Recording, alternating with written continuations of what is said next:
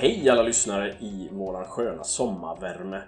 Nu sitter jag och Fredrik återigen och diskuterar och pratar lite grann om det som rör våran hobby och som gör våran dag så fantastiskt glad och mysig och fin. Hej Fredrik! Hejsan Christian! Ja, fint väder. Var- Varför sitter vi inne vid byggbordet höll jag på att säga. Nej, men jag tänker har det varit fint några dagar idag där så nu, nu är jag nöjd. Ja. Eller? Ja, ja, nu har du haft din, som, nu har du haft din sommar ute. Ja, nu, jag, nu behöver det inte vara mer. Nej. Nej, men man utnyttjar väl dagarna väldigt bra tänker jag. Ja. Eller gör man inte det? Nu har jag faktiskt eh, satt upp lite hyllor och så i mitt nya byggrum här. Så att då har jag varit lite Mm. inomhus. Men eh, annars är man ju ganska mycket ute och njuter av eh, livet. Jag, idag upptäckte jag nämligen en sak att på ekar så har de ett, en frösamling. Det är ingen kapsel direkt utan det ser ut som, eh, ja, det är svårt att säga. Men det blev i alla fall väldigt inspirerande eh, gräs och, och grönsaker i skala 1 till 35. De här E- fröpåsarna. Ekar sa du? Ja, ek. Jättekonstigt. Helt nytt för mig. Ja, det, Jag kan, det, kan, det, det kan inte vara frön, men det måste vara eh, pollen blomställningarna på eken. Ja, precis så kan det nog vara. Så att frö, det växte frön är väl, några- frön är väl ekollon, har jag för mig. Om jag minns Fröna det. ekollon. För det, ja, men det växte nog lite sådär något bärliknande längst ut. Vad det nu skulle kunna Ja, ja, vara. det är nog blommorna. Ja, det kanske det är. Kanske är. Ja, jag fick en näve med mig i alla fall och ska testa att doppa dem i, i eh, utspätt vitlim här för att se hur de håller sig. Eller om de bara pulveriseras som Mm. det kan göra ibland. Ja, det är ju en grej vi är på väg in i den där säsongen nu när vi blir liksom, samlare och jägare ute i naturen. Allting som vi kan använda under vintern. Ja, ja faktiskt. Och det, det, de ögonen är ju alltid med oss. Det är de ju. Och det är ju fascinerande vad mycket kul man kan hitta Mm. om man bara tittar neråt faktiskt framför fötterna. Absolut. Ja, det var en liten passus här. Hur, eh, hur har du det? Bygger du någonting? Ja, lite grann blir det byggande. Alltså jag har ju märkt Mm. att eh, nu är ju den här pandemieffekten helt över. För mig känns det som. Mm. man återgått till det läget innan och eh, ja, Just det. byggtempot sjunker här nu. Jag har inte, som jag har sagt innan, det har inte blivit så mycket som förra året. Eller Nej. åren innan med byggandet.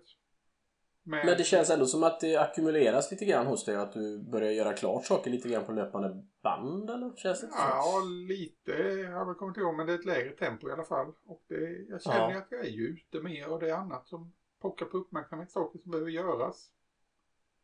Ja. Så ja, men det får bli som det blir. Alltså, sommaren, ja, lägre tempo. Och sen eh, har jag ju satt igång ett litet sommarbygge också ute i uterummet. Eh, Jag Mhm. vet jag nämnde det innan. En, eh, Nej, en det... Balsa-modell faktiskt, en Gillows-modell. Se det ja. Är den så stor att du måste vara i... Nej, Där men det, jag tänkte att sätta upp det någon annanstans. Man bara kan sitta ute och ja, ha en annan byggmiljö. Ja, men det är en klok tanke. Det är ju helt klart. Så nu ska Ja, jag för gå då- helt old school där. Ja, precis. För de som inte vet så har du ju ett stort inglasat parti eh, Mm. där det är väldigt mycket ljus och eh, det skapar ju bygglust det här ljuset tycker jag i alla fall. Nej, men jag har nog inte byggt en eh, Balsa-modell på, ja, blir det? 30 år i alla fall minst. 35. Mhm. Oj, oj, oj. Så Ja, eh, det här med bals, eh, balsalister och eh, japanpapper och sådana här saker. Det ska bli kul att Ja. återstifta bekantskapen med det. Ja, vad kul. Det förstår jag, det förstår jag.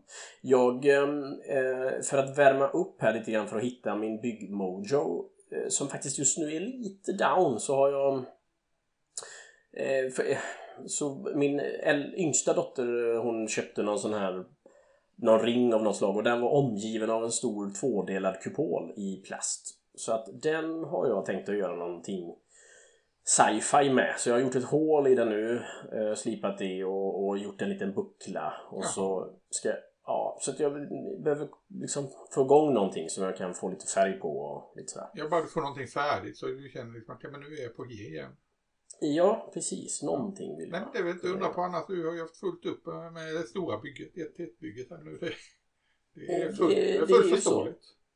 Fullt förståeligt och livet tar ju sin tid och plats. Ja. Så att, eh, men nu, nej men jag, nu, nu vill jag ändå komma igång och nu har jag faktiskt satt upp lite verktygstavlor, hängen och en hylla ovanför och sådär. Så att sakta men säkert kommer jag väl dit. Mm. Eh, Nej, som jag sagt innan, när jag, det, det här med att jag var uppe i Linköping på den bygghelgen, det fick ju mig att komma igång lite grann och känna att titta, här händer det nu igen någonting. Mm, mm. Men eh, ja, den har inte hänt så jättemycket med utan jag trillade ju på en gammal, eller gammal, en ganska ny mikromermodell istället. Den här lilla Mhm. torpedbåten från am- amerikanska inbördeskriget, CSS David. Just det. Vi ska kolla, 135, så den är ju inte så pytte, pytteliten. är den Nej. inte. det blir ju 58 centimeter totalt med eh, den här eh, stångminan utfälld. Ja. Men det är en fin modell men den är svår.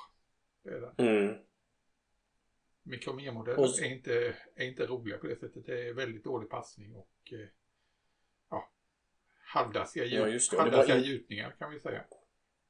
Ja, okej. Och så var det interiör och så var det en tvådelad, eh, Mm. tvådelat skrov. Ja.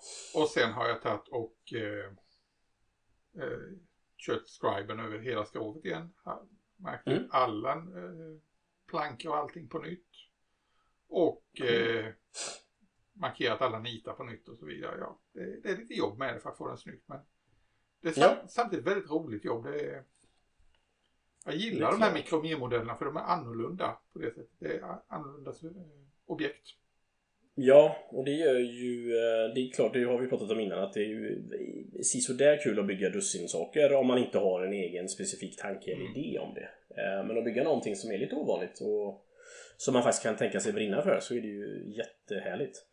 Och nu häromdagen lyssnar jag på, ibland då när jag kör bil så sätter jag på en YouTube-film och så lyssnar jag på det de säger. Och då finns det ju något som heter Operations Room och då handlar det om hur Scanhorst sänktes bland annat. Mm. Och då kan jag ju bli lite sådär Shit, jag måste köpa det här. Jag måste bygga det här. Nu, genast, nu. Och sen så vet jag att det är ju en tillfällig... Är tillfälligt infall liksom. Mm.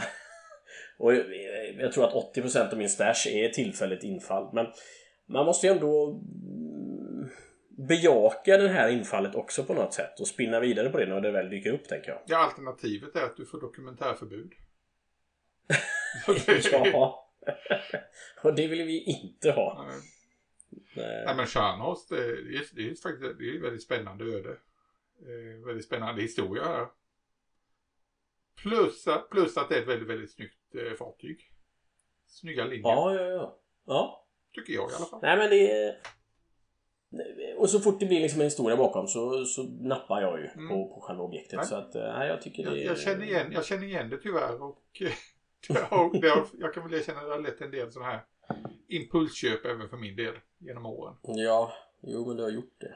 Man, Du min vän, eh, vi pratar på här men du har ju faktiskt haft äran att prata med ett eh, par gentlemän här som är väldigt duktiga på det som vi normalt sett inte bygger. Mm. Eh, jag höll på att säga, jag vet inte om det här har varit, eh, det har varit lite terapisamtal för mig kan vi säga på sätt och vis. mm. Eh, nej men eh, bilbygge. Det, har ju, det är ju det här lilla hjärnspöket som i alla fall jag har. Jag tror du har det också till viss del. Mm. Mm. Blank lack eh, massa sådana här saker. Hur bygger man en bil på ett snyggt sätt?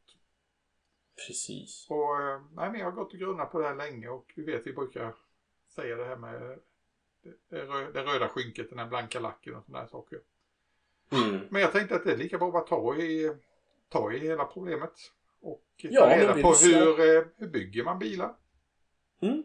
Så eh, jag har pratat med, som du säger, ett par gentlemän om hur bygger man bilar. För att, eh, ja, bland annat, eh, jag ska kunna lära mig detta. Ja, i- hoppas att vi kan inspirera med dessa gentlemans eh, kunskaper. Så vi rullar bandet. Vi gör det.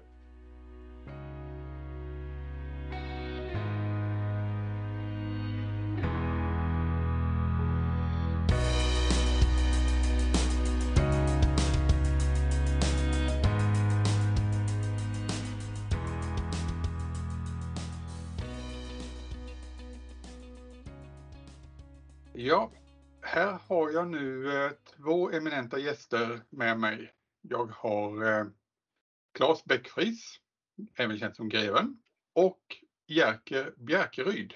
Mm, Och vad jag förstått är du känd som eh, Dr. Deuce. Välkomna hit bägge två. På, på grund av Claes. Ja, det var Claes som nämnde det till mig. Välkomna hit bägge två. Eh, vi kanske ska börja med att presentera vilka är ni? Claes, ska du börja? Vem är du?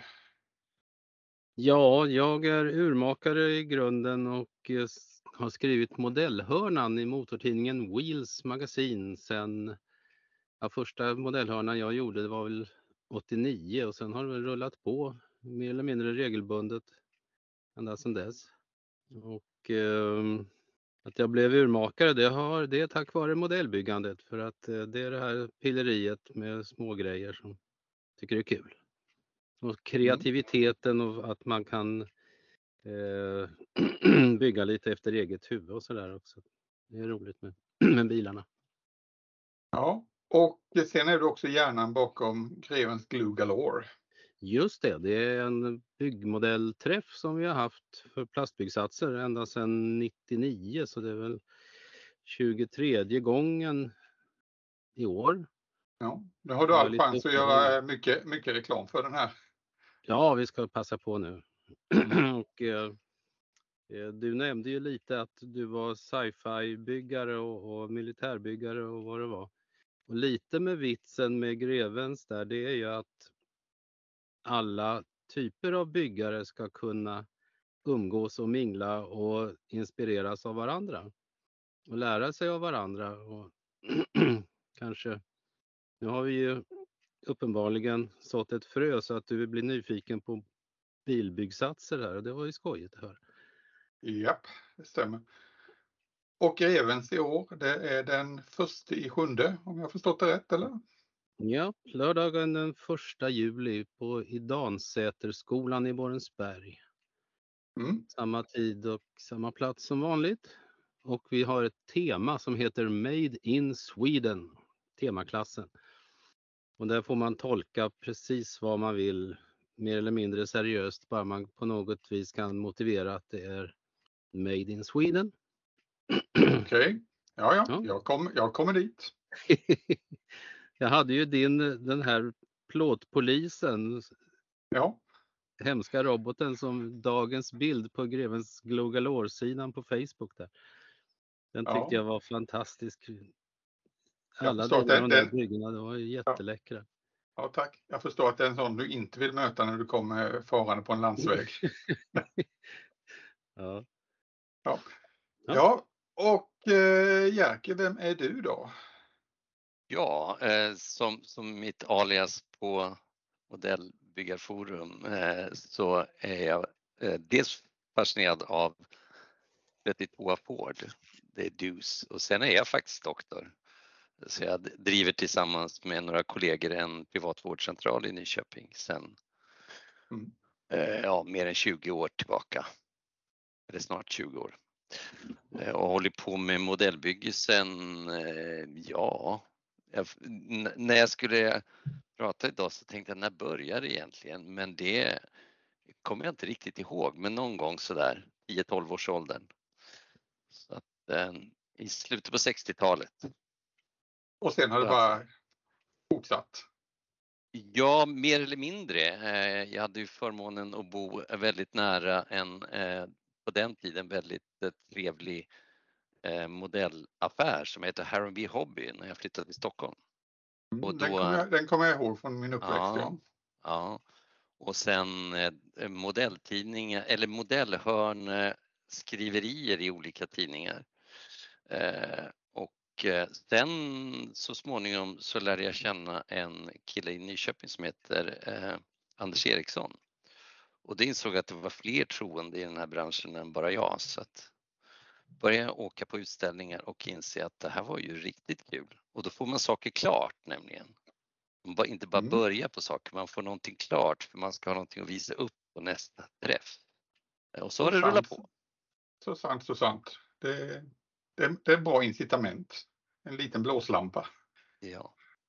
Ja, och eh, som sagt, anledningen till att ni är här idag är ju för att eh, jag vill ju prata bilbyggande med er. Detta för mig mystiska fenomen. Eh, jag kan väl säga, erkänna det att jag har inte byggt bilar i någon eh, större omfattning egentligen sedan jag själv var i tonåren. Och då gick det väl lite sådär. Men sen trillade jag in som sagt på sci-fi och pansar och liknande grejer och eh, ja, där har jag hållit mig i den lilla comfort zonen men nu är jag väldigt nyfiken på, jag har en del bilmodeller liggande och så vidare. Så det är, jag är väldigt nyfiken på det där. Och jag har en hel del frågor till er när det gäller det här med bilbyggande. För det första, om vi börjar, det här med skalor på bilar. Eh, det har jag ju. 1 till 24 verkar vara den vanligaste, men sen hittar man 1 till 25 också. Mm. Kan ni förklara Ja. det här lilla fenomenet för mig? Kanske något- du vet Claes bättre varför det finns både 24 1 till 24 och 1 till 25? Ja, 1 till 25, det var ju i Amerika.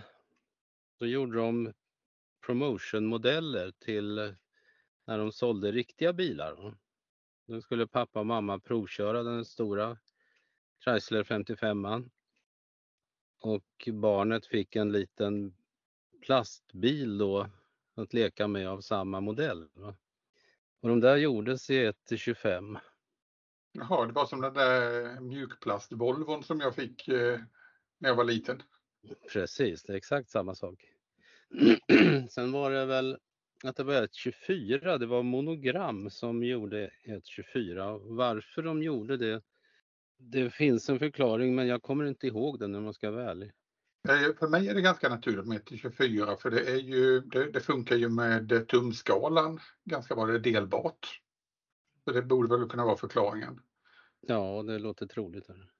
Men sen, Men- sen, ja, jag tänker bilmodeller har ju funnits i olika skalor, ja, men eh, för eh, väldigt mycket när jag började vara eh, grabb och man fick eh, saker på, om man låg inne på sjukhus till exempel, då kunde man om man var snäll få en byggsats för att hålla sig lugn. Och då Mm. var det skala 1 till 32. Ja, det var där det Eh. började en gång i tiden. Ja, 1 till 32 var ju ganska vanlig och det var väl också den vanligaste eh, när man körde slot car, alltså mini-racing. Eh, eh, och sen har ju 1 till eh, 24 och 1 till 25 och sen 1 till 8 var ju alltså där jag blev riktigt frälst, det var ju min eh, nio år äldre kusin eh, som hade byggt de här som fanns på 60 och 70-talet, de här 1 till 8 modellerna. Mm. Eh, och då var det ju hot rod modeller och eh, det var ju 1 till 8. Mm. Så att, Det, är, men, det, är stor, det är stora pjäser det. ja, Det är jättebumlingar. Det här Ja, med så att- 1 till 32, jag tror att det var eh, standard i Europa. Va? De Ja. europeiska bilmodellerna var ju oftast 1 till 32. Det stämmer det. Airfix gjorde ju 1 32 modeller. ja, Och det stämde ju med flyg och det stämde med figurer och eh, lite sådana saker. det är Men, lite ja, sedan- Ja, ja, sen har jag Det är sett lite 1 till 18 tråkigt. också. ja. Ja, men det är mer, det har väl aldrig varit en, en skala som har slagit igenom i modellbygge utan det har varit huvudsakligen diecast Mm. bilarna som är 1 till 18. Jag, jag, vet inte av att någon modell tillverkare, modellbyggestillverkare har gjort någon större jag, har en, 1 jag, har 18. några, jag har några 16 är ju en del. japanska. Ja, ja. ja. Ja. AMT Men, gjorde eh, ju 1 till 16 skala i en hel serie med modeller. Eh, Men eh, Jerker, du sa det var någonting som var tråkigt. Vad, vad var det jag Jo, avbröt nej, men när man alltså när man gillar jag gillar ju att bygga konstiga, eh, alltså väldigt sällan jag bygger någonting rakt ur en låda eh, och jag är absolut inte duktig på att in i minsta mutter kopiera en Ford Mustang 65. Eh, Men då man söker lite udda fordon så finns ju väldigt mycket udda fordon inom militär eh, modellbygge, men då är det 1 till 35. Ja, och det finns ju, jag har ju berättat en lustig historia bakom det. Det har egentligen bara med en Ja. växellåda att göra. Ja, ja, Alltså, ja. Ja, Nej, men så det- väldigt många gånger har man ju gått och sneglat på, tänk vad kul den där eh, udda fordonet om det fanns i skala 1 till 25. Mm. Eller i alla fall i 1 till 30, nu går det ju liksom 1 till 32 kan man väl lura någon och tro att det är. Men Men har det, nu då till det pudelns kärna när det gäller 1 till 24, 1 till 25, har det någon större betydelse för er? 1 till 24, 1 till 25 eller är det så här interchangeable? Eller hur tänker ni? Ja, Jag vet inte hur du gör Claes, men jag lånar ju ganska friskt emellan. Där det märks skillnad det är ju hjul och fälgar som, där kan det ju faktiskt synas. Och, och framförallt går ju, om man hittar liksom 1 till 24 däck, Mm. så går ju inte en 1 till 25 fälg, då, då blir det ofta fel. Den blir för Jag liten. brukar ju, jag gillar ju att det, det ska ha ett lätt, vad ska vi säga, karikatyr. På, på, på gränsen till karikatyr tycker jag är rätt kul att bygga bilarna. Då kan man klämma in en 124 motor i en 125 bil. Va? Mm. Då ser den jättemaffig ut. Och även till Okej. exempel om man, om man vill ha ett större bakhjul så kan man försöka hitta fälgar som är av samma modell. En 1-25 i fram då, då och sen ett 24 i bak så får man lite mera. Ja, ja. Då utnyttja det, utnyttja till positiva grejer istället för att se det Ja. som ett problem. Okej. Annars har väl samt- 1-24 varit lite styrmodligt behandlat genom åren Ja. i, i hot rod-svängen i alla fall. Ja. ja. Det, det, var ju, det var ju några, de här Tom Daniels byggdes, var, väl, var inte de 1 till 24? Eller, eller det var svår, svårdefinierat vilken skala de var egentligen. Ja. Men alla de här från Monogram, de var ju 1,24 ända fram till mitten av 90-talet någon gång när de gjorde nya. Då gjorde de 1,25 för att eh, det skulle bli samma som de andra då. då. Så nuvarande standard är alltså 1 till 25? Eller? Ja, Det, det, dominer, det dominerar i alla fall väldigt mycket. Om man inte ser på de japanska bilbyggsatserna, för där har vi ju 1,24. Ja. Och Franska heller gör ju 1,24 också. De Okej, amerikanerna de håller sig ju ofta till Revell, Mon- Revell AMT och allt vad de heter. Där är det väl oftast 1,25 som är standard liksom. Mm. Sen har vi ju massor med olika, när vi går till, till tävlingar, det, det jag sett eh, när jag varit på Greven så när jag läst på lite så ni delar in det här med bilbyggande i lite olika klasser och så vidare. Det är ju dels de som bygger vanliga standardbilar har jag förstått. Och sen är det massor med custom och hot rod och allt vad, det, Ja, vad, vad ni kallar det. ja. Och eh, det är väl lite, eh, det är väl lite olika, olika tänk också om- inom det, eller hur, hur, hur tänker man där? Jo, men det... det- ja. Kör du Jerker. Nej men eh, det märker man ju att Eh, väldigt mycket, om man till exempel tar de som bygger racingmodeller, eh, då är det ju ofta väldigt mycket att göra det, eh, det ska stämma med den GT40 som gick i det racet med det föraren. Okej, det är där vi har det vi kallar för niträknare i det gänget då. Ja, alltså det är väldigt, oftast väldigt historiskt duktiga människor. Mm. Det är det är ju, eh, jag tycker många av dem som har dykt upp på Grevens inte minst är otroligt kunniga inom sitt område. Det är inte, de gillar inte bara modellen, de gillar eh, objektet de bygger. Mm. Ja, jag, förstår, jag förstår helt hur de tänker. Och motsvarande är det väl inom standard. Jag menar, det, där, där kan ju det bli nästan lite på gränsen till ja, eh, niträknande som du säger. Att, eh, är, är verkligen den där bakflygen rätt vinkel vid eh, bakrutan eller är den inte lite fel? Okej, Ja. Ja, det man kan på man ju i alla fall se på forum. ja, det, är- det, det är samma som vi har inom alla andra delar av modellbygget också då. Är den här, är den, har, den stabben, har den stabben riktigt rätt form och så vidare? Hot Rod och Custom-klassen. Där är det ju nästan tvärtom för att de Ja. byggmodellerna gjordes redan från början för att kunna variera och bygga egna och kombinera hit och dit. Så de är ju liksom gjorda för att man ska ändra och låta fantasin flöda. Ja. Ja, ni nämnde ju ett namn där. Tom Daniels, han känner jag ju till sen gammalt, hans modeller. Och eh, Ja alltså, hur var det med dem? Det var, det, var det rena skrivbordsprodukter eller fanns det riktiga förebilder? Eller hur? Ja, Det var ju faktiskt tvärtom. Att den, eh, eh, alltså det är väl den ultimata, eh, att man gillar något, att man bygger en verklig kopia utav några av hans bilar. För de var, vad jag vet var ju ingen av dem från början någon, eh, någon verklig förlaga utan det var hans fantasi. Tom Men den byggdes, ja. Han var ju designer från början och hade fått jobb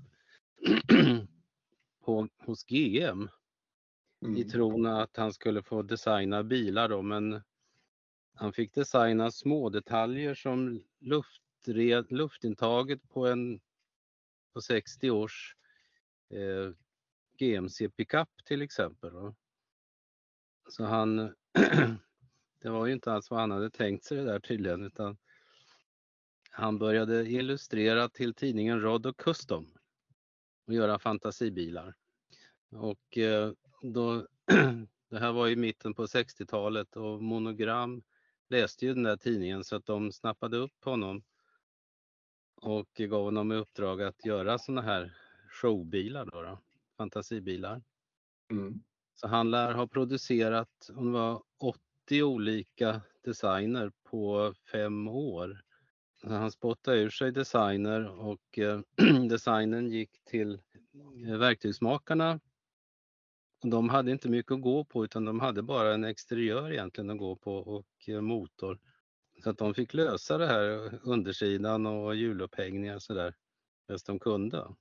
Så många av de där är ganska snarlika. Det är väldigt enkla byggmodeller nästan på gränsen till leksak. Det- Men jag tycker de är roliga. Jag tycker personligen så gillar jag dem där och eh, bygger dem gärna seriöst så att säga. Mm.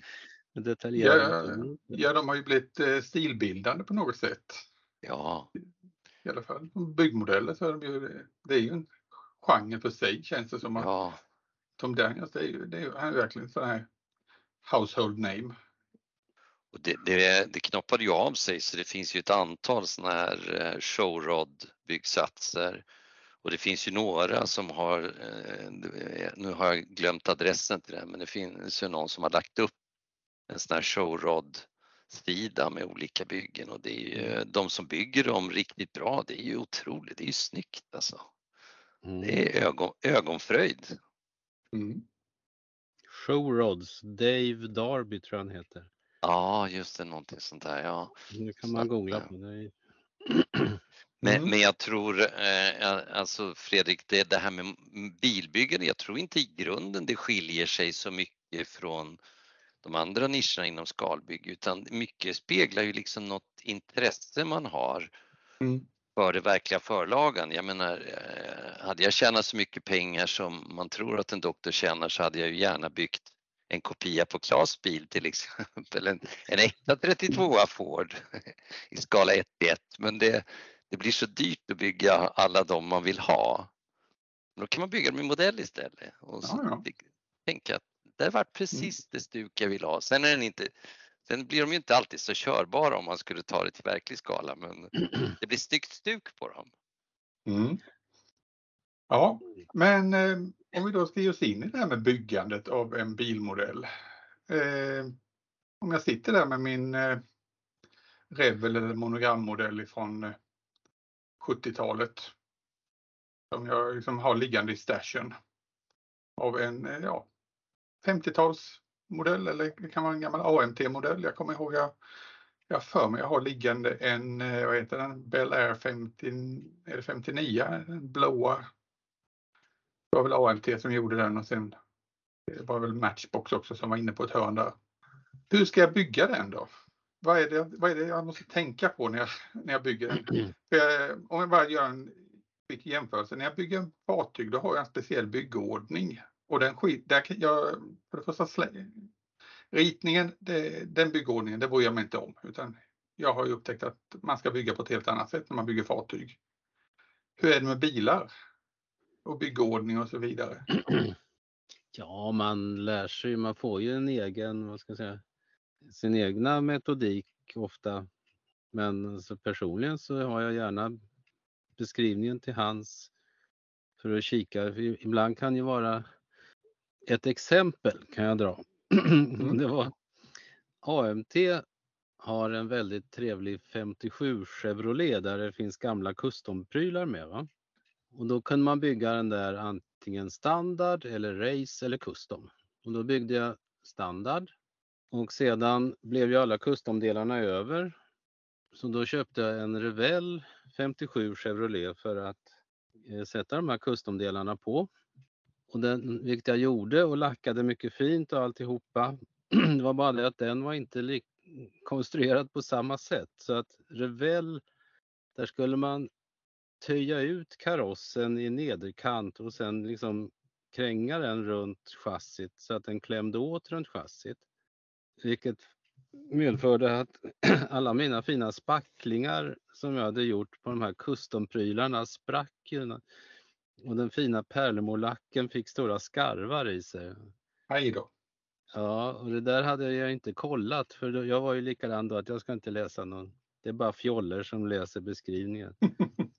hade man läst beskrivningen så hade jag ju sluppit det där. Va? Så, ja. så, så det är från eh, fabrikat till fabrikat. Det, det är som med ja, både flyg och, och pansar, att man lär känna fabrikaten efter ett tag.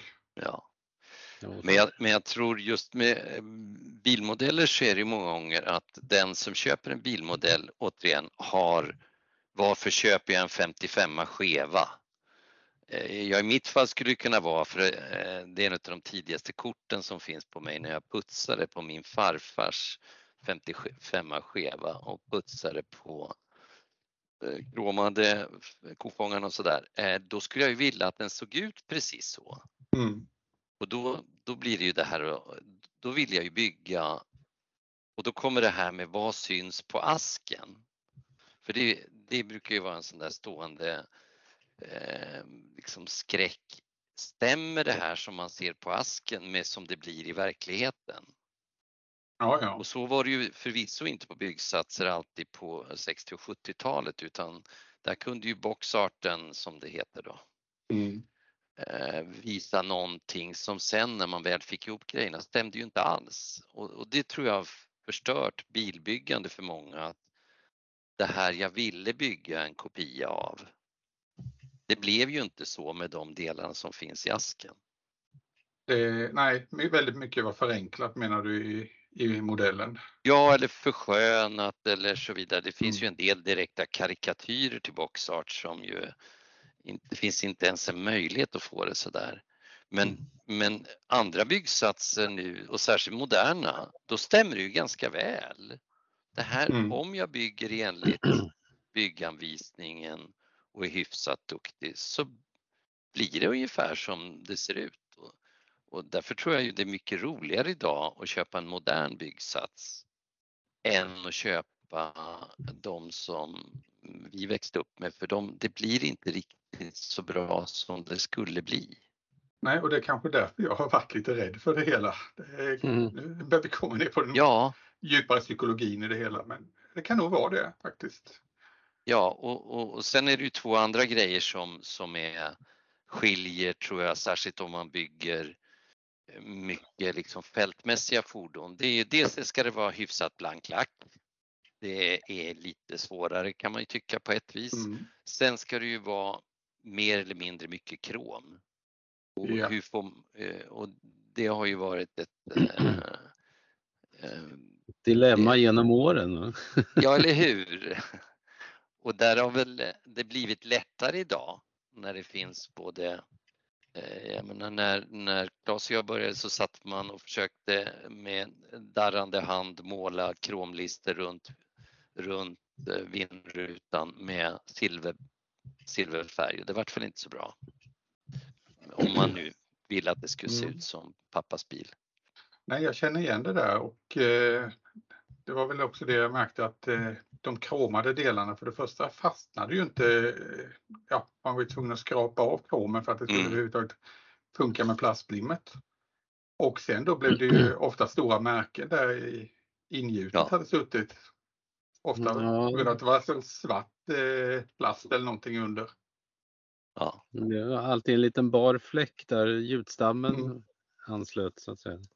Men idag finns det ju så fina krompennor som man kan dutta bara för att dölja det där.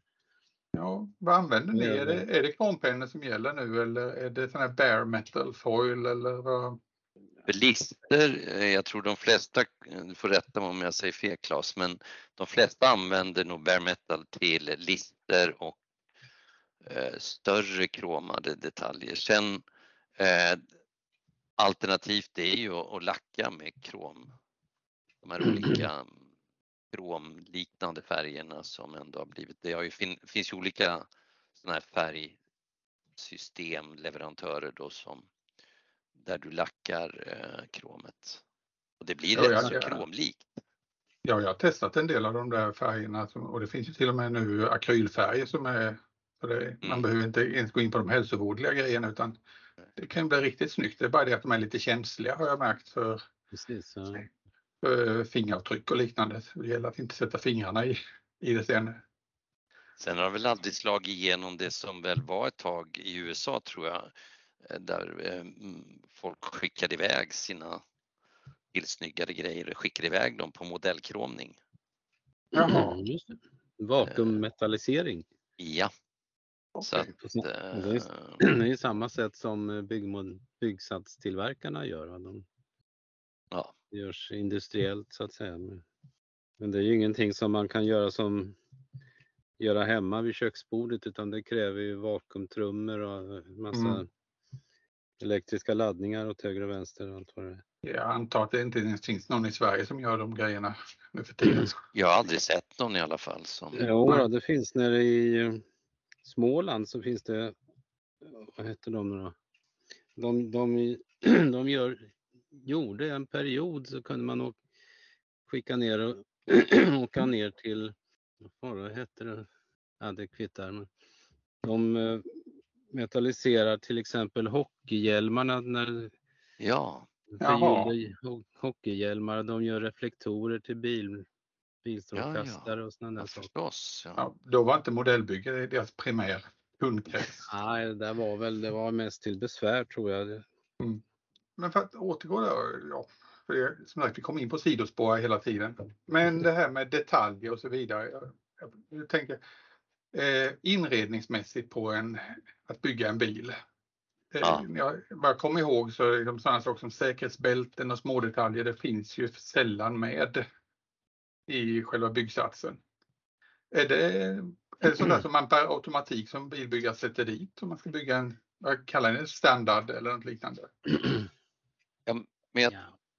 Men jag tror, jag, jag, jag tror just som bilbyggare så måste man välja liksom vilken nivå ska jag ha på det här? Mm. För det, det märker jag att det blir väldigt lätt att det blir väldigt mycket och då får man aldrig något färdigt eller det blir klumpigt. Eller också bygger man hyfsat rakt ur lådan och det blir rätt så drägligt och så har man fått något färdigt. Mm. Mm. Eh, Och, och det där, man, ja, vill man superdetaljera så finns det ju mängder av tillbehör. Mm. Tillbehörssidan har ju exploderat sista 20 åren. När vi, Jerker, när, när, när du och jag började bygga på åren före 70 någonstans där, mm, då fanns det ju nästan ingenting och det var väl det som var i kartongen. Kunde du följa med lite, ja, några småprylar sådär. Mm. Men in, in, inga typ eh, textilbälten eller fotoetsat eller någonting Nej. sådant. Men det finns Ja. ju massvis idag. Och ja, men väldigt många utav oss som började och försöka detaljera, för på en, en motor ser det ju i alla fall lite roligare ut om det finns tändkablar. Mm. Men jag menar i början var det ju sytråd men det, det ser ju lite konstigt ut så här. Luddiga tändkablar. Nej, men, Ja, så jag- det, men man måste bestämma sig tror jag för det, det, det tror jag många har ångest för att bygga en bilmodell, att det ska vara alla detaljer. Ja, för de flesta av oss har ju tittat in under motorhuven på en bil och ser liksom att Ja. oj, här är massor med grejer och sen tittar man på den där plastmodellen och oj, här var inte Ja. mycket grejer. Nej. Man, eh, på den gamla bilen ser man liksom, ja, det, det finns ett stort motorblock ungefär och Mm. ett, av, ett avgasrör som går till den och någonting till. Möjligtvis en eh, luftrenare eller någonting. Men, men det där är ju också lite byggkultur för om man tittar på väldigt mycket japanska eh, modeller så Mm. är det ju japanska modeller är ju allt som oftast det vi kallar för curbside, alltså det är, det är inte motorhuven öppen, det finns inte ens en motor. Eh, Det är inte alltid jättedetaljerat chassi heller, men det du ser, eh, alltså kaross, inredning och så vidare, är verklighetstroget och man lägger krut på det. Ja, ja. Eh, De, det, det är ju en väldigt stor nisch där och då tillverkar man å andra sidan väldigt mycket modeller i olika modeller. Mm.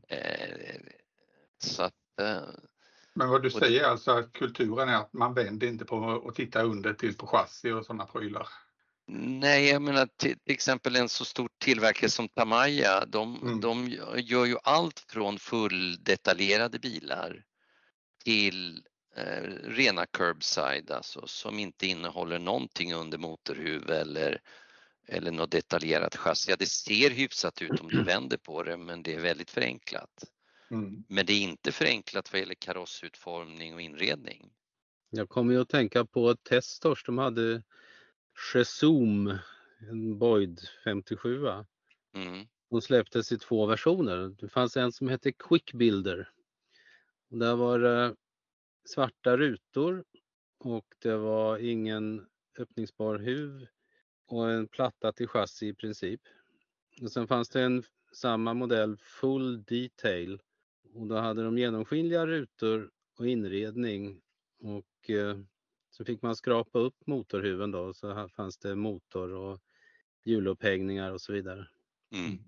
Så det där är ju lite grann, det, det finns ju en, vad ska jag säga, nisch, en gren på bilbyggarträdet som kallas för slammer. Dessa slammers, de har alltså en, de har svarta rutor, man kan måla rutorna svarta. slipper man bygga inredningen, man Mm. limmar, i, limmar igen motorhuven, då slipper man bygga motor. Och man kan i, i extremfallen limma fälgarna direkt i karossen och då slipper man hela chassit.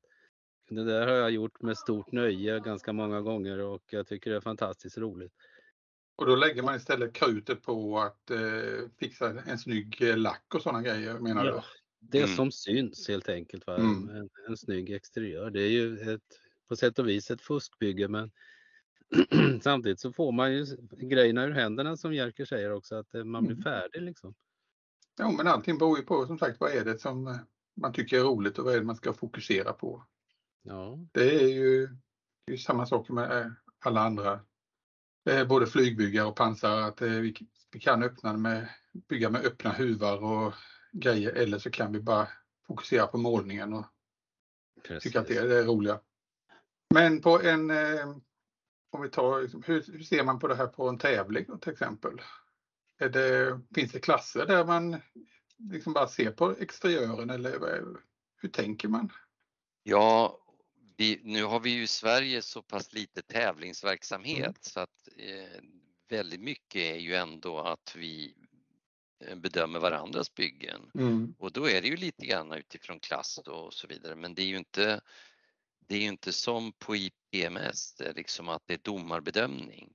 Att man bedömer skala, eh, trohet och verklighetsförlaga och, allt det Mm. där.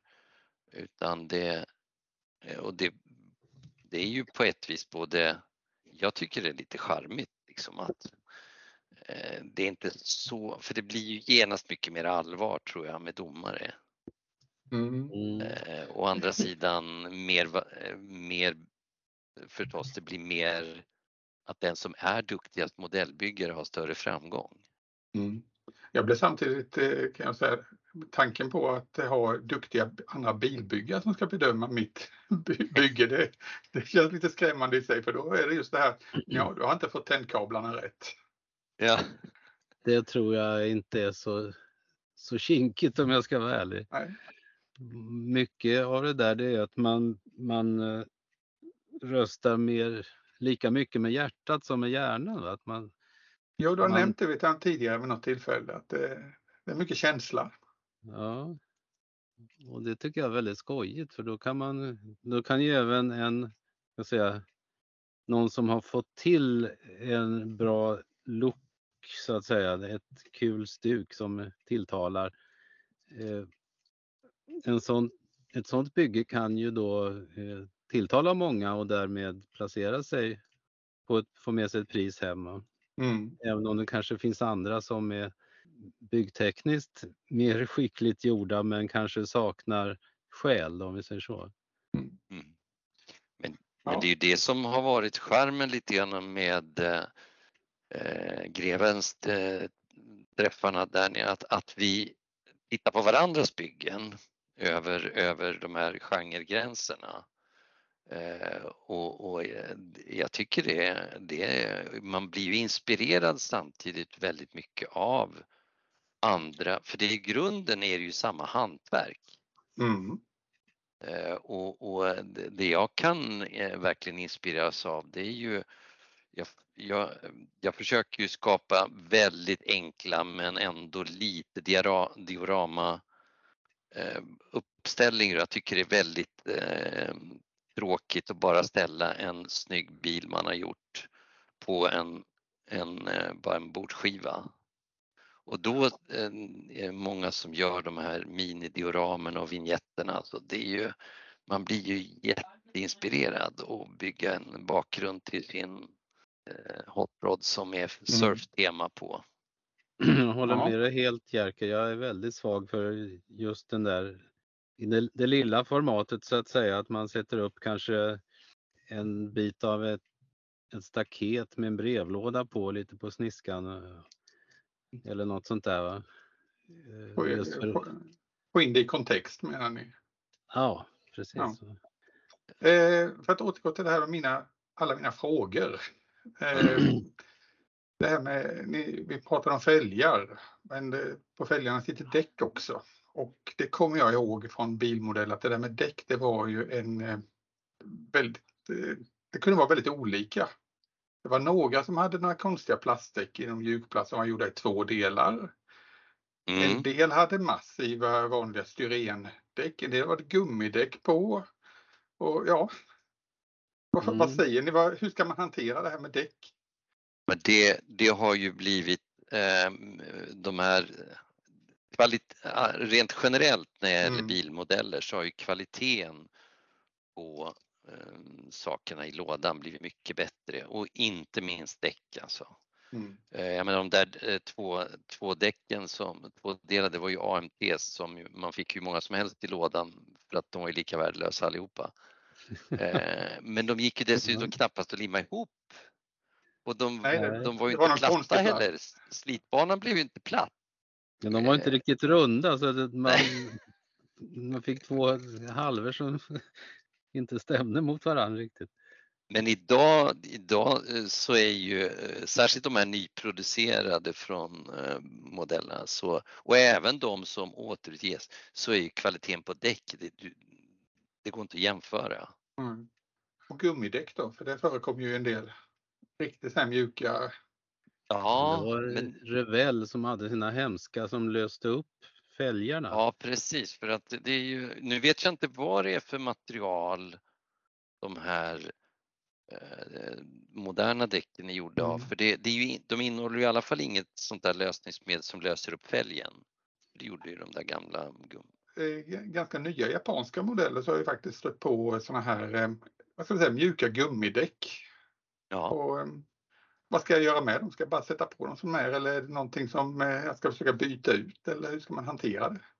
För du sa att det löser upp. det, var, var det bara gamla grejer som eh, löste Ja. upp plasten? Ja. Jag Det var det tidigt försvann. 60-tal. va? Ja. Mm. Mm. Då behöver jag inte vara orolig alltså. Nej, som, Nej. som moderna däck, det, det är ju, de ser ju ut som däck.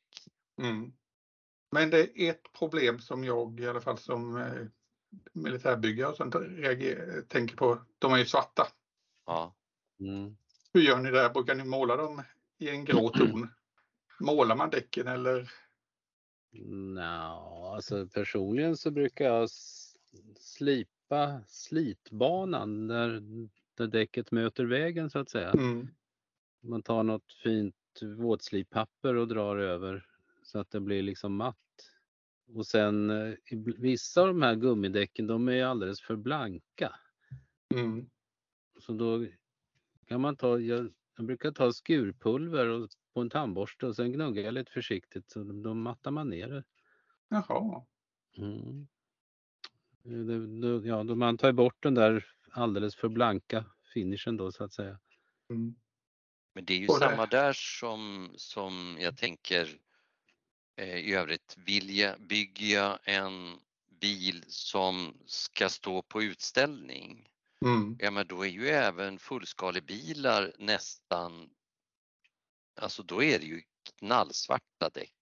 Mm. Ja. Till Jo, det har du, det har du med rätt i. polerar upp då. Men vill jag bygga en bil som står på eh, beachen, då ska det nästan vara sand. Mm. Eh, och, och då blir det ju lite vädringskonst eh, eller som jag, jag som gillar eh, eh, sån här ökenracing med saltban eller saltöken, då ska det ju vara salt. Ja. Så där, då är vi tillbaka nästan på din eh, militärsidan att vädra. Ja, då, då känner jag mig hemma och sen eh, vi som bygger militärfordon vill, vi, vi vill gärna ha lite tyngd på, på eh, däck och axlar också. Så det ska synas att det är belastat, att det väger någonting. Hur tänker ni där? Jo. Men det tycker jag nog att vi förs- försöker att Mm. Personligen så är jag ganska inspirerad av militärbyggandet och eh, Mm. att tiden räcker inte till utan jag får kombinera Mm. militär, eller, ja, in, militärinfluenserna med bilbyggandet. va, Så att, eh, Ja, för det kommer jag ihåg, det var ju en sån där hopplös sak eh, med just de här äldre modellerna att däcken var de, det gick ju liksom inte att platta till dem för de var för mjuka på något sätt jämfört med de stenhårda styrendäcken som följde med då i en militärbyggsats. Mm. man kunde inte få tyngd på dem på samma sätt. Men det, de här däcken, nu, nu är ju en del utav de här eh, byggsatserna tillräckligt mjuka för att det blir Mm. lite grann. Men annars, eh, eftersom jag tror ingen av oss som bygger lite mer avancerat har rullande däck så är det ju helt okej att slipa ner där den står. Mm. Lite grann så man får lite det här som du är ute efter. Mm. Lite tyngd i det. ja, precis. Ja. Det är bara Och- fantasin som sätter gränser så att eh, Ja. man, man ska inte tro att bilbyggen måste göras på ett visst sätt utan det, du får ju med fördel bygga en bil med militärtekniken eh, tekniken, om vi säger så. Då. Mm. Det- Men då, det- kom, då, då kommer vi ändå till den här, vad ska jag säga, den här vita valen för mig att det jag är livrädd för, den där blanka lacken. Ja, Nu får ni berätta hur det går till. ångest. Ja, ja, Nej, men vet det du är, hur man får en blank lack Jerker? Jag vet inte. Nej, nej, det, nej men det, eh, jag menar, du, hur mycket modeller du än har byggt och jag vet Anders som skriver om, i allt om hobby hur många han har byggt så går det ju fel i alla fall ibland. Ja. Och det, det är ju ständigt det här att det, det är bara att inse att det, kom, det kommer alltid att kunna strula. Och ju mindre färg man har över ju större Alltså är det sista burken Då strular det. det är tre dagar innan utställningen, då kommer det att gå fel. Ja. jag såg det ju alltid där, så man ska inte stressa och, och liksom låta färgen torka på väg till, till utställningen. Det kvittar ju vilken modell man bygger. Så. Ja, Men, eh, jag men inte- rent allvarligt det här med att eh, jag förstår att ska man få lite ordning på det så är ju väl en airbrush i princip nödvändig. Eller en, eh, vad ska jag säga, burk med sprayfärg. Det går väl inte Ja, penselmåla? det är svårt att penselmåla. Nej. Ja. Det, det är svårt. Det, det är nog Mm. nästan omöjligt. Men, men, men eh, jag, jag har ju aldrig blivit duktig på airbrush så att eh, de modeller jag har byggt och som ändå klarat sig hyfsat, då är det ju sprayburk. Mm. Och, och med Mm. modern, där har ju ändå eh, Tamayas eh, färgserie liksom och en del, eh, även Model Master hade ju ganska bra sprayburkar ett tag. Det blir rätt okej. Tamaya-burkarna har, har ju fördelen att de är ganska tåliga. Så att eh, på en Tamaya-lack så kan man använda en, riktig billack, så att säga en tvåkomponents klarlack. Mm. Okej, så du, lä du lägger kulören med en Tamaya-lack och sen en genomskinlig tvåkomponents klarlack ovanpå det? Eller Ja. vad är- det, det, för mig har Ja, det jag- fungerat väldigt bra i alla fall. Jag tänkte säga att du, du har ju fått till det. Jag, jag använder ju samma, jag kör Tamaya både och. Mm. Men det Sen som, jag- det som, ja för annars det som har, förutom att sprayburkskvalitet och airbrush har kommit till, det som har revolutionerat blank lack mycket, det är ju polerkitten. Eh, Det Mm. här, Ja, det har jag sett någonting att det finns sådana grejer. ja. Och, och då går det till och med att köra med servalack liksom. Få det blankt. Okej, så det är... De är uppbyggda av en serie slippapper som man slipar från grövre till finare och finare och sen avslutar med en, en pasta, en slippasta. Mm. Den där slippastan den är väl i princip autosol. Fast lite mer lättflytande. Mm. Okej, så det är bara hårt arbete som gäller. Med andra ord. Ja, alltså la, lacka hyfs, eh, hyfsat jämnt och hyfsat så att det, det, konsten är ju att ha tillräckligt mycket om man inte nu får till perfekt yta direkt ur Mm. burken eller ur airbrushen. Att ha tillräckligt mycket som man kan slipa på. Eh, Ja. Så att eh, det, det är många gånger som det ser, ja, eh, man kan ju inte ha rinningar och, och eh, hårstrån i eh, liksom, men eh, Mm. det går att rädda rätt mycket apelsinskal med polerkit. Ja. Nej, för jag, tänk, jag tänker man har ju ibland har man ju dekaler och sånt som ska på också. Och då Ja. är det på med det innan klarlacken då och sen är det polera, polera, polera om jag förstår det hela rätt. Ja, det är Ja. olika. Eller är det flera lager la- klarlack liksom man jobbar upp det eller hur? Nej, men bygger, du, bygger du en racingbil så ska ju dekalerna, eh, de sitter ju inte begravda i klarlack. Nej. Eh, Utan på en, eh, på en, liksom en rallybil så sitter ju dekalerna, de är ju dekaler, de är ju klistrade Mm. på. Att de, de, jag tror, där är, där är återigen hur, hur skalenlig och hur naturtrogen ska man vara. Mm. Nej, men jag kommer ihåg till exempel när jag växte upp. eh, Det fanns ju stora fina modeller av Trans Am. Eh, Mm. Och det var ju alltid den här stora fina fågeln på motorhuven. Och det var ju en Mm. dekal. Det var ju... Ja. Och den ska väl ligga i lacken? Det är väl motivlack? Ja, Mm, det, ja, det var väl en dekal från fabriken Jo. också. Där. Var det men jag tror där skulle väl de flesta klarlacka över den. Mm. Ja. Men det Och då gäller, bara, då gäller det att vara försiktig så man inte slipar ner i dekalen då. ja, Usch vilken mardröm.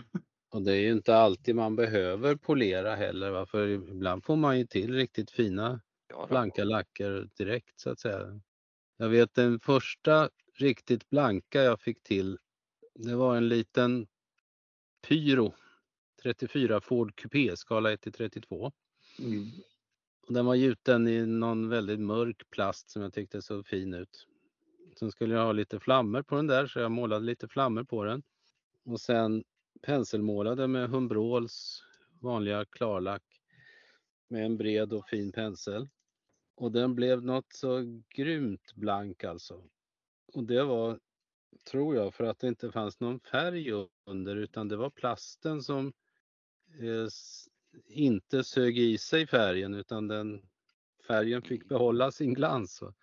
Mm. Jag Ja, har upplevt att ju fler lager färg man lägger på, om det är grundfärg och sen är det kulör och sen kanske man tonar och så vidare.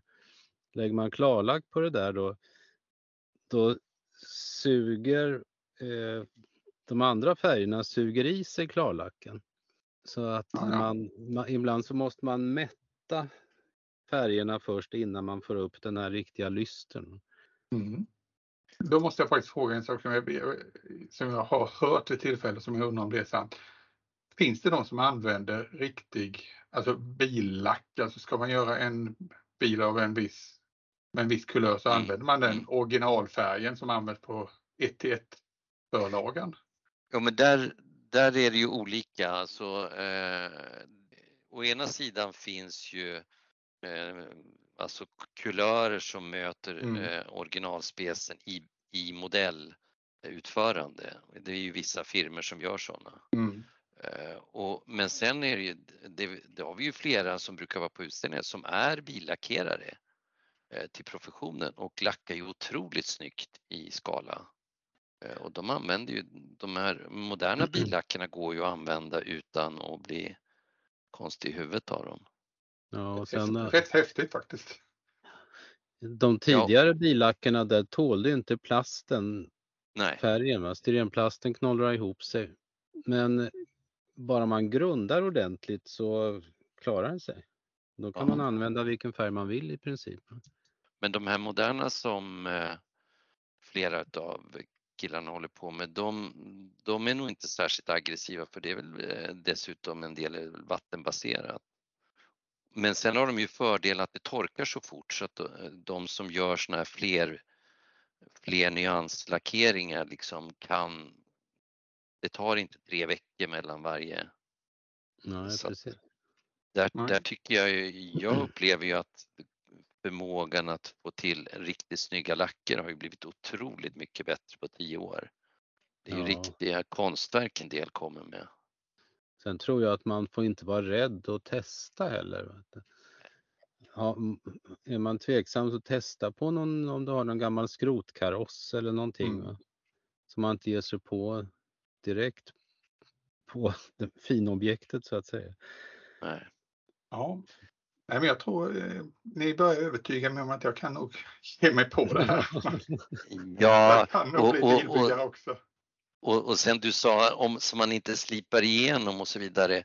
Men det finns ju, det är ju även där, så det är ju egentligen samma fenomen som eh, fullskalebyggen. Det händer ju och så får man, då får man Mm. bättra, man ska vara bättre och, och det är ingen katastrof om det inte liksom är en total genomslipning mitt på taket eller något sånt där.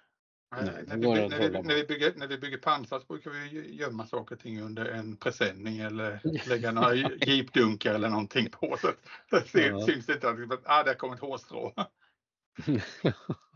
Men det är, det, är ju rätt, det är ju rätt roligt ändå det här med eh, alltså blankt kontra vädring och Mm. nött och så vidare. Eh, en, jag menar i våran, i bilbyggarbranschen så är det ju, det är ju en eh, kär vän från Finland som ju alltid eh, excellerar med otroligt blankt och skalenligt. Han verkligen eh, fasar ju för tanken på att han ska vädra någonting. Mm. Hur gör man då Nej. så det blir eh, så att det är ju Ja, Nojorna finns på bägge sidor. ja, ja, ja. det, ja, Eh, jag blir lite bara nyfiken också, vad, vad är trenderna här nu framöver? Liksom, vad, vad, vad, är, vad är det som är poppis och vad är, vad är det på väg? Vad är de stora grejerna här nu? ja, Senaste alltså, åren har det varit rätt populärt med rostiga bilar. ja. Men sen det som har gjort just den här förmågan att bygga, alltså både åt eh, custom och rodstuket, eh, det har ju varit eh, 3D-printing och foto 1. Att, Mm. Mm. eh, jag menar om det aldrig har byggt en eh, modell si och så med de hjulen så då får man väl göra dem då. Mm, det går att fixa Eller- själv nu ju. Ja, så man blir ju helt förbluffad vad duktiga och, och vad snyggt det blir. Jag menar jag som bygger så mycket hot rods eh, eh, att eh, det där insug, jag menar om vi nu, vi pratar ju om i sommar ska vi bidra till att fira en väldigt trevlig bilfilm, Sista natten med gänget. Eh, men den bilen har ju ett speciellt insug som aldrig har gjorts i någon byggsats. Men det är klart Okej. det går att 3D-printa. Mm. Ja, 3D-printing det är ju en revolution för oss alla. Ja, eller Absolut. hur? Mm. Så att, eh, så att det är väl, och, och nu, det är väl ingen omöjlighet att 3D-printa hela karosser tänker jag. Eller vad, vad tror du Claes? Eh, nej då, det finns på Tradera så ser man ju, poppar upp då och då. Och det är ju alla möjliga, inte bara korrekta standardbilar så att säga, utan det är Mm. ju hot rods och det är såna här vallåkra Volvos och, och alla Mm. möjliga roliga grejer. Ja, och nu när det, nu när det till och med dyker upp så att man kan, eh, eh, men när vi har eh, 3D-scanner som är rätt, så säga, överkomliga i pris, så kan man ju i, i princip då gå och scanna originalet Ja, och få en del. Ja. Det där tror jag ju, eh, det där tror jag kommer föda en nisch att liksom bygga, eh, bygga första bilen man hade. Mm. Eh, För det, det, går, det går att få tag på karossen och så vidare. Skulle jag tro att blir en. Så att det, det. Mm. ja, Men om vi ska leta trender, det är väldigt svårt att säga. Jag vet inte om jag ser någon trend direkt. Hur är det med svenska förlager då? Det, ja, det är det som är ganska magert. Eh, Mm. Det är ju, alltså i, i, i, i traditionella byggsatser eh, så några Volvos har ju gjorts. ja, det senaste var väl en två, någon 240 eller någonting såg jag någonting Ja, om. precis. Och eh, 740 och 760 har gjorts och eh, 850 kombin har ju gjorts. Men kommer du på någon fler svensk förlaga? Ja, sen är det ju lite resingjutningar, PV och Mm. Amazon och Duett och sådär. Mm. Ja, Men, men i, styren fin, i styren finns inga Saabar eller någonting sådant eller äldre Volvobilar. Nej, nej, ingen Saab vad jag vet. Det är lite märkligt. ja. Ja, Nej, det har väl inte funnits något. De har väl ansett att det inte var tillräckligt kommersiellt gångbart antagligen. Ja. Nej, det är väl det som styr i bakgrunden. Vad säljer? Nej, Ja. men, sen, ja, men, men sen kan man ju undra eftersom en, en trend har ju alltid varit att bygga det, alltså de här superbilarna och så vidare. Men hur roligt blir det när eh, allting eh, vad gäller motorväg är en liten batteripack och eh, eh, Mm. ja. Det är ju inte så spektakulärt som de här gamla kromade V8-motorerna. Nej. Nej. men även de här, eh, jag menar en Pag, eh, Pagani Sonda med all, eh, all Ja. under motorhuven eller en Lamborghini eller så vidare. Det, det drar ju mycket blickar för att Absolut. jajamän. detaljera. Men om det där är en batteripack sen, det blir inte så kul. Nej. Ja, vi, får, vi får väl se när första modell av en Polestar kommer. Ja, just det. Ja, men då är vi tillbaka på det där med ren curbside. Då, då är det ju då Mm. är det ganska ointressant att ha en motorhuv. Mm. Ja, Ja. why not? Ja, Har du någon drömbild av Fredrik? Som... någon drömbil för mig? Oj. Eh, ja, det är väl i så fall att jag vill bygga eh, mina föräldrars gamla Citroën DS som jag åkte runt i när jag var liten under somrarna och eh, höll på att be av med skinnet när man kom in och satte sig med bad, bara små badbyxor på det här jättevarma vinylen. Stekheta vinylen, ja. Vad, var det, en det? DS, DS19 eller 21 eller? Det var väl en DS19, ja. De finns ju, finns ju fin Mm. modell. Ja. Ja, Heller har väl några DS. Jag får bara eh, försöka leta tillbaka och se vad det var för årsmodell på den. Men det, det kunde vara kul att bygga en sådan. Det, längre än så är väl inte mina drömmar. Men vad har, ni- vad har ni för drömmodeller då? Vad står på önskelistan? Och vad... Alltid en 32 till. Jag är väldigt svag för Chryslers fenbilar från åren kring 60. De var ju så vulgära och utflippade så att eh, jag gillar verkligen de där på grund av att de var så extrema. Ja, som du sa tidigare, på gränsen till karikatyrer. Ja, exakt. Ja. Ja, Nej, men det, är ju, det, är ju, det, roliga, det roliga är ju ibland att få den där idén. Alltså, det är därför det är så farligt med eh, Klas tidning och, och så vidare. Man, helt plötsligt ser man ja, men den där, den måste bara byggas. Mm. Eh, Och så Mm. inser man det finns ju ingen riktigt bra byggsats till det där och då det är då jag eh, blir eh, Då ibland går man igång. Ja, då går man igång och så börjar man leta och så hitta och så inser man "Nej, det måste jag ju göra det där och så och det är ju Mm. halva Ja. nöjet. Men det måste ju vara samma. Man börjar bygga och sen så just det där du säger att man har en idé och sen så bygger man om så man har liksom förverkligat den där idén. Sen är det resten av byggmodellen kvar sen med, med motor och chassi och alltihopa och det är inte alls lika roligt utan då blir den där konverterade karossen liggandes någonstans i någon låda. Ja, ja. Jag tror, vi har samma, jag tror vi har samma bekymmer var vi än bygger så hamnar vi i det där läget att eh, vi har den här eh, ja, sk- skämshyllan där allting halvfärdiga projekt ligger. Det var jätteroligt att gå igång med det och sen kommer man till de tråkiga bitarna och då Ja, hittar man någonting ny, en ny ögonsten helt plötsligt. Men det, det är då man måste ha en avkopplingsnisch. Eh, när jag vill få någonting klart då bygger jag eh, dubbeldäckad flygplan från första världskriget i någon sån här väldigt förenklad skala. Mm. Eh, och så tar det en helg och så är det klart. Liksom. Ja. Och det är ju väldigt skönt att få färdigt någonting mellan varven. Då kan man, som du säger, då får man ny energi och ta upp de här gamla surdegarna igen. Ja, jo, jag kan bara hålla med. Det, det, fin, det fin, och det här med att ha det här, re, bygga klart någonting, kunna städa av byggbordet och så, ja, kan vi börja på nytt med någonting. Ja, Det är en härlig känsla. ja. Men eh, med det så tror jag vi kan ska avsluta det här. Jag känner i alla fall mig lite sugen nu på att bygga bil. Jag får väl gå ut och rota i stashen och se vad, om jag kan hitta någonting. ja. Vi ser Och, fram eh, emot ditt färdiga bygge på GGG-träffen den första juli. Får väl se om jag kan ha någonting färdigt till dess. Jag lovar inte någonting till denna omgången, men kanske om ett år. En slammer, Fredrik. Mm, Ja, precis. Ja. Så stort tack till er bägge två. Tack Stort tack Jerker med. och stort tack Claes. Och eh, som sagt så kan vi bara uppmana alla att eh, komma förbi och besöka Grevens Glue Galore 1 juli i Borensberg. Ni är så välkomna. Ja, Mm. ja, verkligen. Stort tack! Tack för Mm, ikväll. tack själv. Mm.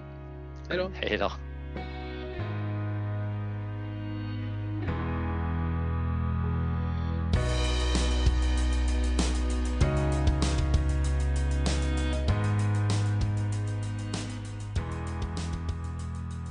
Ja, det var minst sagt eh, spännande, imponerande och eh, många års eh, byggerfarenhet här på, på dessa herrar. Ja, Claes och Jerker är ju två duktiga byggare. De har massor med, många års erfarenhet ihop. Mm. Och jag tycker att, eh, ja, nej, men det, efter att ha snackat med dem, jag känner mig lite lugnare och jag känner mig faktiskt inspirerad att ge mig på att bygga en bil. Eh, Ja, nej, jag håller med dig och, och de fick det ändå låta som att eh, det, att det är klart finns utmaningar men att man inte ska vara liksom rädd för att en, även en amatör eller på säga som jag skulle faktiskt kunna komma ganska långt på något sätt. Eh, Men eh, alltså det, jag, jag har ju förstått nu alltså den stora hemligheten här med den blanka lacken och det är ju att eh, att eh, köra en topplack som är stenhård, som är slipbar, som är mm. polerbar. Och de, Ja. de pratar ju tvåkomponent så det är kanske det man får testa. Ja, jo men det är kanske det. Annars så får man väl som du säger vara extremt försiktig då om man ska använda sina ordinarie saker. Men eh, man får väl helt enkelt se det som att det är en riktig bil man ska lacka, att säga. Mm. Och eh, utgå från det. Ja. Nej men det är tålamod och en riktigt hård lack. Mm. Skulle, jag, skulle jag tro. Det... Nej, så jag tror faktiskt att jag vill ge mig på att bygga en bil här framöver. Fast jag tror jag ska safea lite här nu i början och eh, göra den ordentligt väderbitet. Så jag jag får sakta men säkert gå in mot det här blanka. Men det, det, jag tycker det var roligt att liksom få lite grepp om eh, de, eh, vad ska jag säga, hur tänker bilbyggare? Hur är estetiken och så vidare? Mm, precis. Bara till exempel det här med att ja, men det är inte nödvändigt att man har en inredning i bilen. Det, det, var, alltså det, det var helt nytt för mig. Mm. Ja, men jag är enig och, och, och, och det här att att man kan liksom kitbasha vissa modeller och att en del är då är nästan gjorda för att du ska ha det här fria eh, mindsetet att göra lite som du Mm. vill eller på säga. Och, eh, nej men det känns lite förlåtande på något sätt faktiskt Ja. att ge sig in i det. Ja, du kan nog ge dig in i det med, med som sagt väldigt fria tyglar. Men som de sa kan, ju, kan man ju göra exakta skalmodeller av enskilda fordon som Formel 1-bilar, rallybilar och liknande. Mm, Som ska stämma in i minsta detalj. just det. Och det har jag ju på utställningar sett en del eh, Formel 1-kärror särskilt som är helt suveräna. Otroligt vackra. Showroom-klass på dem. Ja. Man skulle i teorin nästan kunna starta om uh, nyckeln, eller vrida om nyckeln och starta bilen känns Ja. det som. Men eh, jag håller med dig. All, det, allt finns liksom. Mm. jättehäftigt. Nej, och jag fick ju erkänna att jag har ju faktiskt bilmodeller som jag vill bygga. Den där Citroënen. Mhm. Någon gång blir det kanske sådan. Eh, Ja, ja. Jag, jag tror jag sa fel faktiskt i inslaget. Jag sa en, eh, en DS19 men det är nog en DS21 jag behöver ha för det är, jag tittade efter Ja. jämfört med gamla foton. Det handlar om lyktorna fram. DS21 är lite yngre. Men har du några Ja, favori, favoritmodeller, några bilar som du skulle vilja bygga? Jag har ju faktiskt en, eh, en Audi 80. Eh, det låter ju jättetråkigt nästan. Men den, eh, den vill jag ju hemskt gärna bygga. Um, Speciella knytningar till den eller? försvann du nu? Hallå? Nej men jo men hela, hela... Hallå? Hör du mig? Hör du mig? Hallå? Hallå? Ja, jag hör dig. Hör du mig? Jag hör dig. Mm. Ja, du hör mig. Ja. Eh, nej, men jag tänker att den representerar liksom lite det här sent 80-tal, början av 90-tal när man eh, ja, kom i kontakt med fordon på ett annat sätt. Jag har ju ändå man har ju ett bilintresse generellt sett, det har man ju. Mm. Man har lite koll på, nu går det inte att hålla koll, det är ju alla nya elmaskiner, det är ju helt omöjligt. Det är ju lite som alla mobiltelefoner, man har inte en aning om vad som är vad. Men, Nej, du kan, du kan lika, Men du kan lika gärna åka fall- stå och titta på en, brö, en brödrost eller en mikrovågsugn. Det är ju... Eh, Lite så. Det kommer 27 nya elbilar nu i veckan här så det är helt omöjligt att, Ja. att hålla koll på dem. Men, men generellt sett har man ju ett bilintresse och det finns ju, jag tycker ändå Audi 80 är en sån här liksom halvikonisk Mm. maskin. Så att eh, den ser jag fram emot att bygga och då vill jag ändå också som du säger bygga den något eh, något väderbiten. Mm. Eh, Ja, Mm, ja, nej. Så det, det, men det är kul. Det är verkligen härligt att lyssna på dem. Och ehm, det kan väl vara värt att nämna det med Glue Galore att det är i ja. närtid. Grevens Glue Galore. Första helgen i juli, alltså första, första juli. I Borensberg. Eh, mer info om det finns ju då på framförallt Facebook-sidan. Eh, Grevens Glue Galore, det är bara gå in där, leta på Facebook så hittar man det. Mm. Och Claes, greven Bäckfries, är den som håller i det hela. Så Ja. eventuella frågor kan ni nog ställa till honom. Så det är så. Ja, det ser vi fram emot detta. Absolut. Men du, då Ehm, tänkte jag på en sista sak när det gäller just det här med bil. Du har bil, en bilmodell liggande, jag har en bilmodell som jag vill bygga och så vidare. Vi kanske, Mm. när vi är färdiga med den här utmaningen som vi har nu, om vi nu någonsin får den riktigt klar, Mm. som nästa lilla challenge, att bygga bil. Vi får suga på den karamellen. Ja, det tror jag är en, en rimlig challenge faktiskt. Det tror jag. Mm.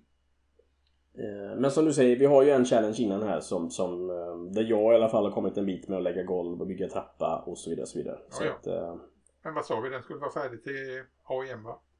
Till OEM, ja. Så att det finns utrymme kvar. Det gör det. Jag ska bara scratcha ett, ett element här innan. Gör du så.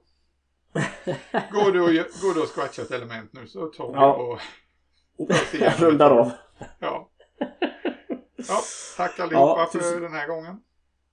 Tusen tack detsamma. Tack för att ni lyssnar på oss. Så ses vi eh, framöver. Tack och adjö. Tack och adjö. Hej, hej, hej. Tack för att du har lyssnat på Modellbyggarpodden.